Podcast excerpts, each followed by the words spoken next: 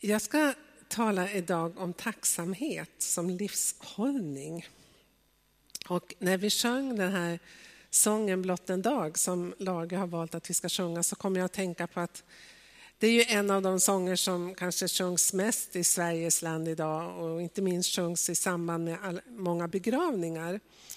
Och för många år sedan så läste jag en biografi om Lina Sandell som har skrivit den här sången. Hon föddes ju i mitten på 1800-talet och, och dog, tror jag, 1906 eller 1905. Men första gången jag läste om hennes liv så, så blev jag så förvånad. Därför att hon var en kvinna som under sitt liv mötte så mycket sorg och så många motgångar, så många lidande. Inte minst att hon själv var så drabbad av sjukdom, men också av anhöriga som dog. Hennes mamma och pappa dog tidigt i hennes liv, hennes syskon och, och så vidare, den ena efter den andra och eh, på väldigt tragiska sätt. Så att jag tänkte så här, och ändå så har hon skrivit, kanske, hon har ju eh, de som topp toppar önskelistan av alla de mest älskade psalmerna och de genomsyras genomgående av en ton av tacksamhet.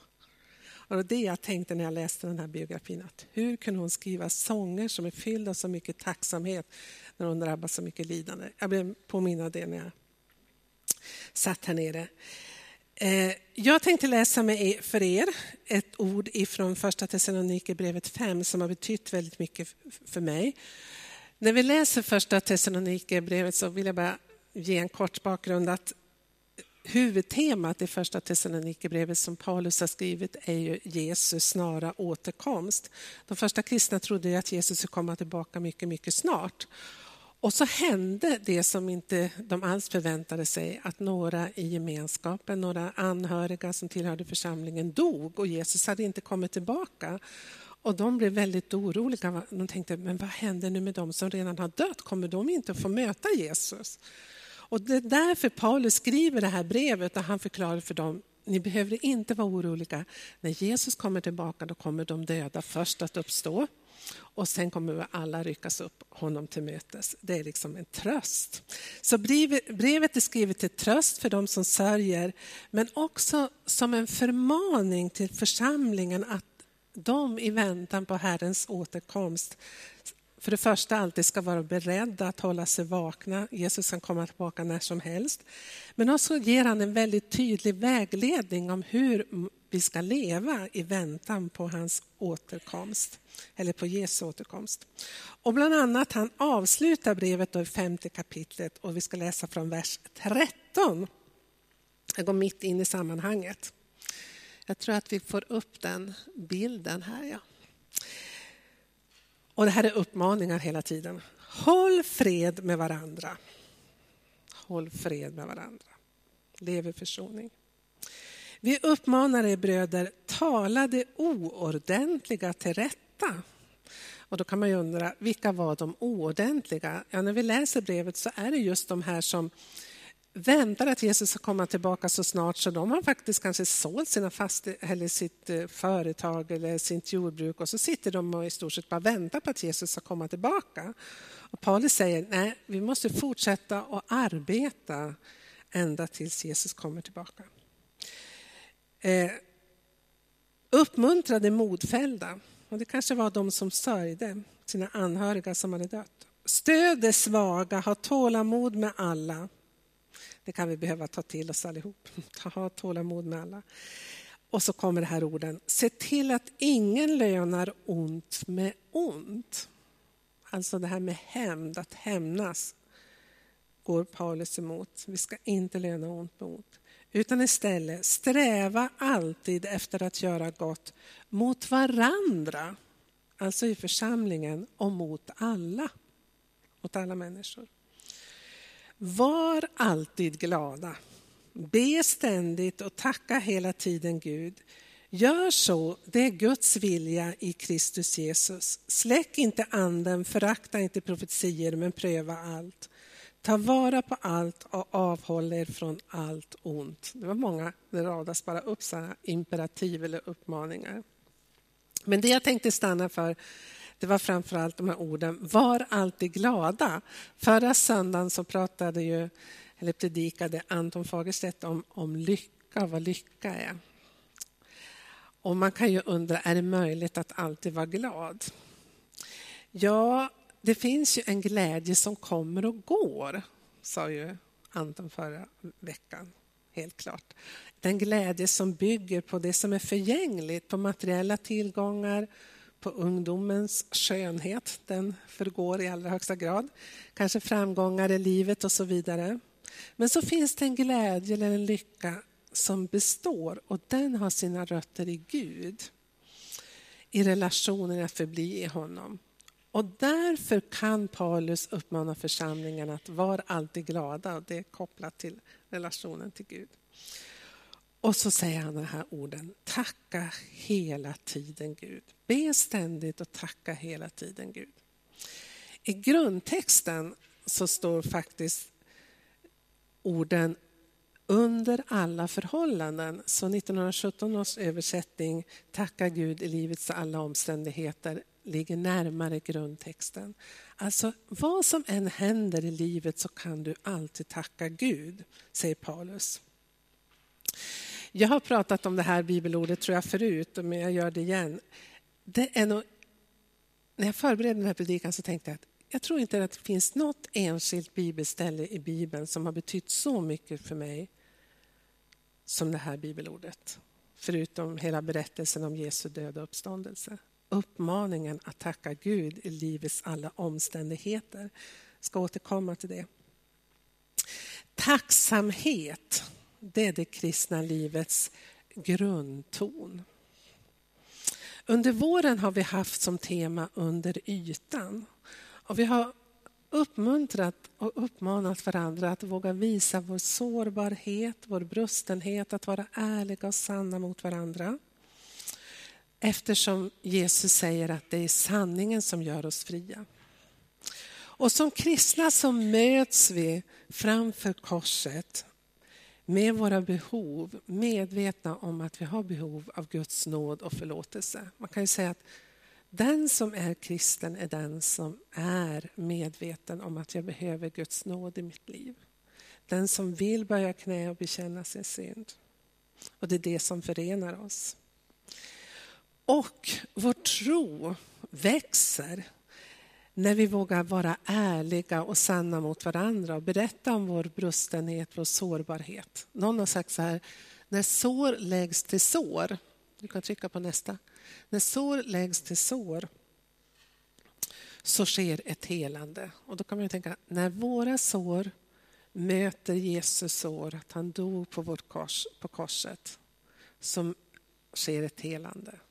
Men också när vi vågar dela vår brustenhet med varandra så sker ett helande. Men vår tro fördjupas och växer inte bara när vi berättar om det som är svårt i våra liv utan också när vi uttrycker vår tacksamhet tillsammans i tillbedjan inför Gud. Och det är där jag tänkte stanna idag.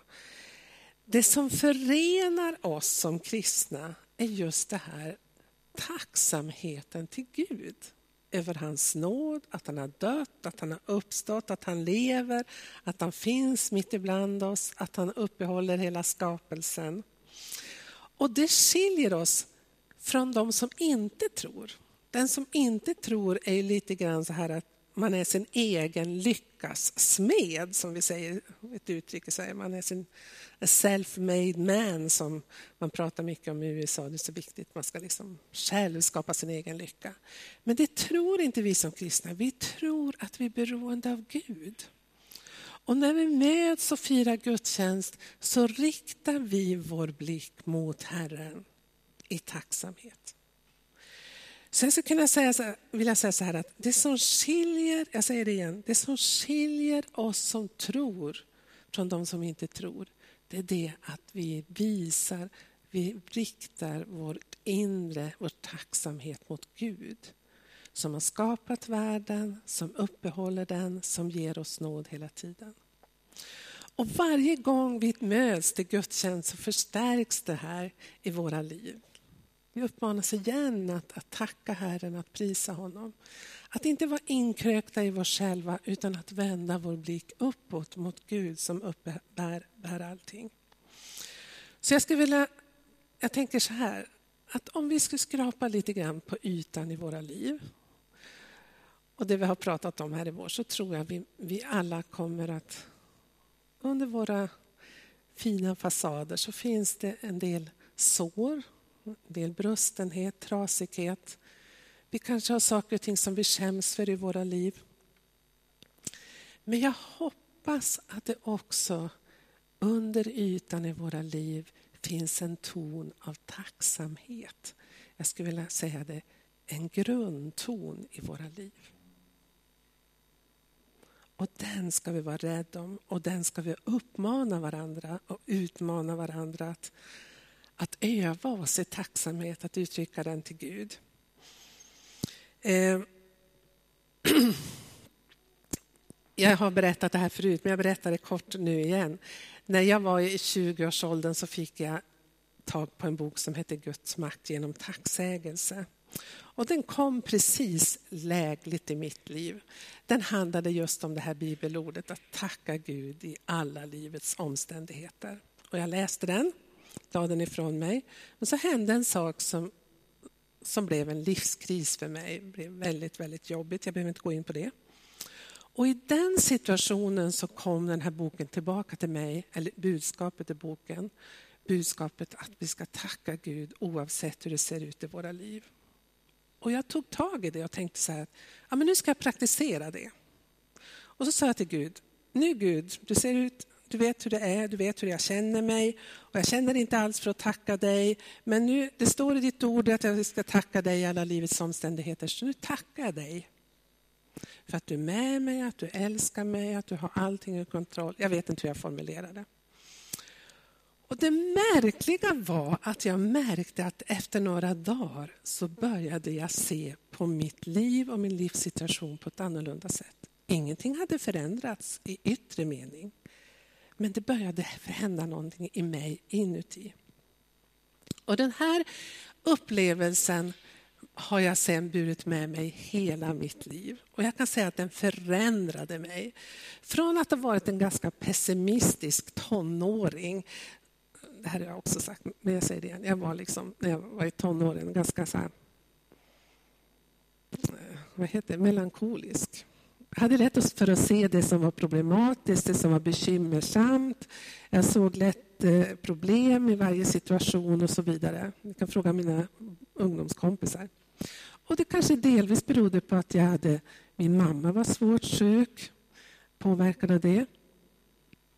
Och så. Det är någonting som puttar eller?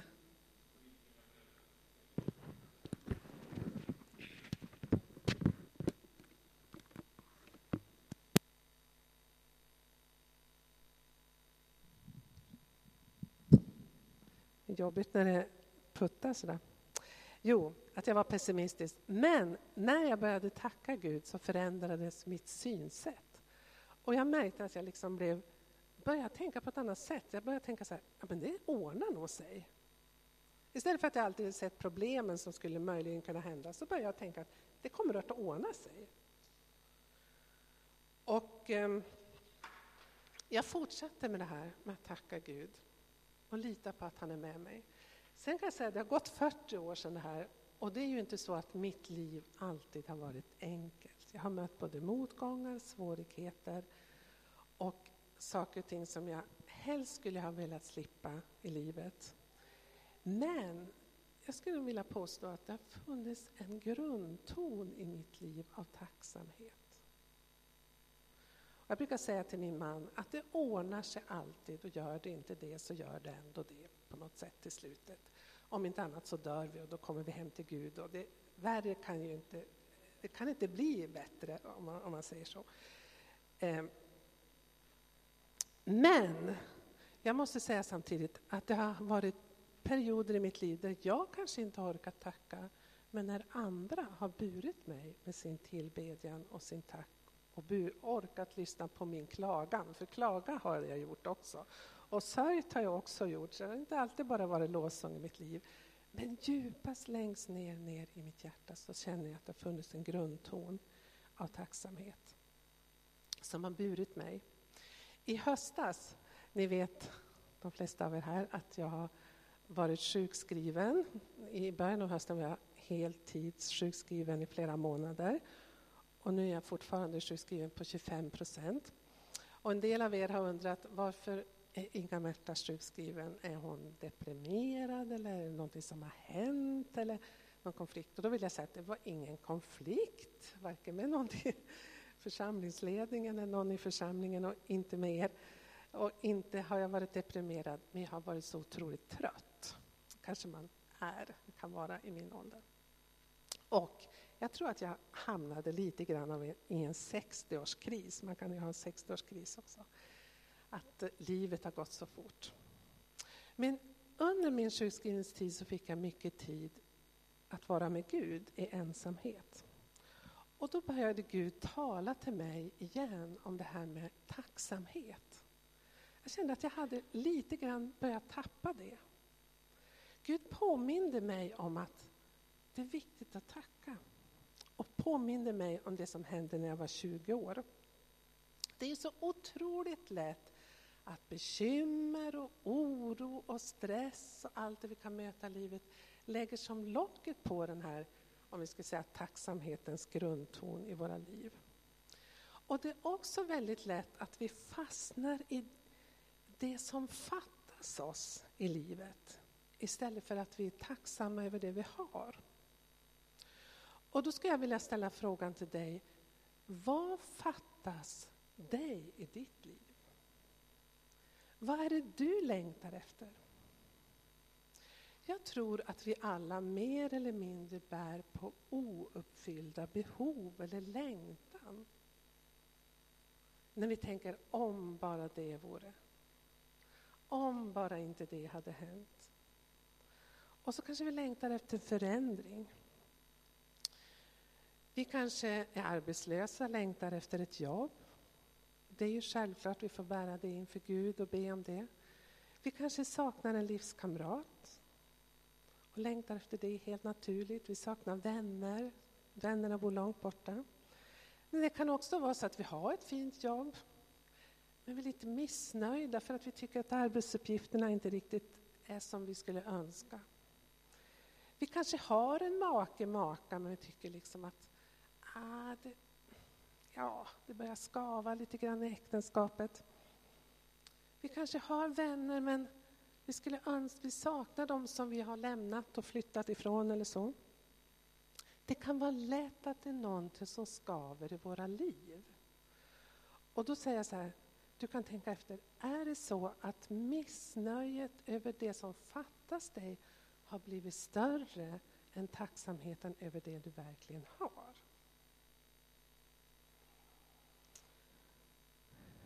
Jag, som ni vet, jag har levt singel i större delen av mitt liv.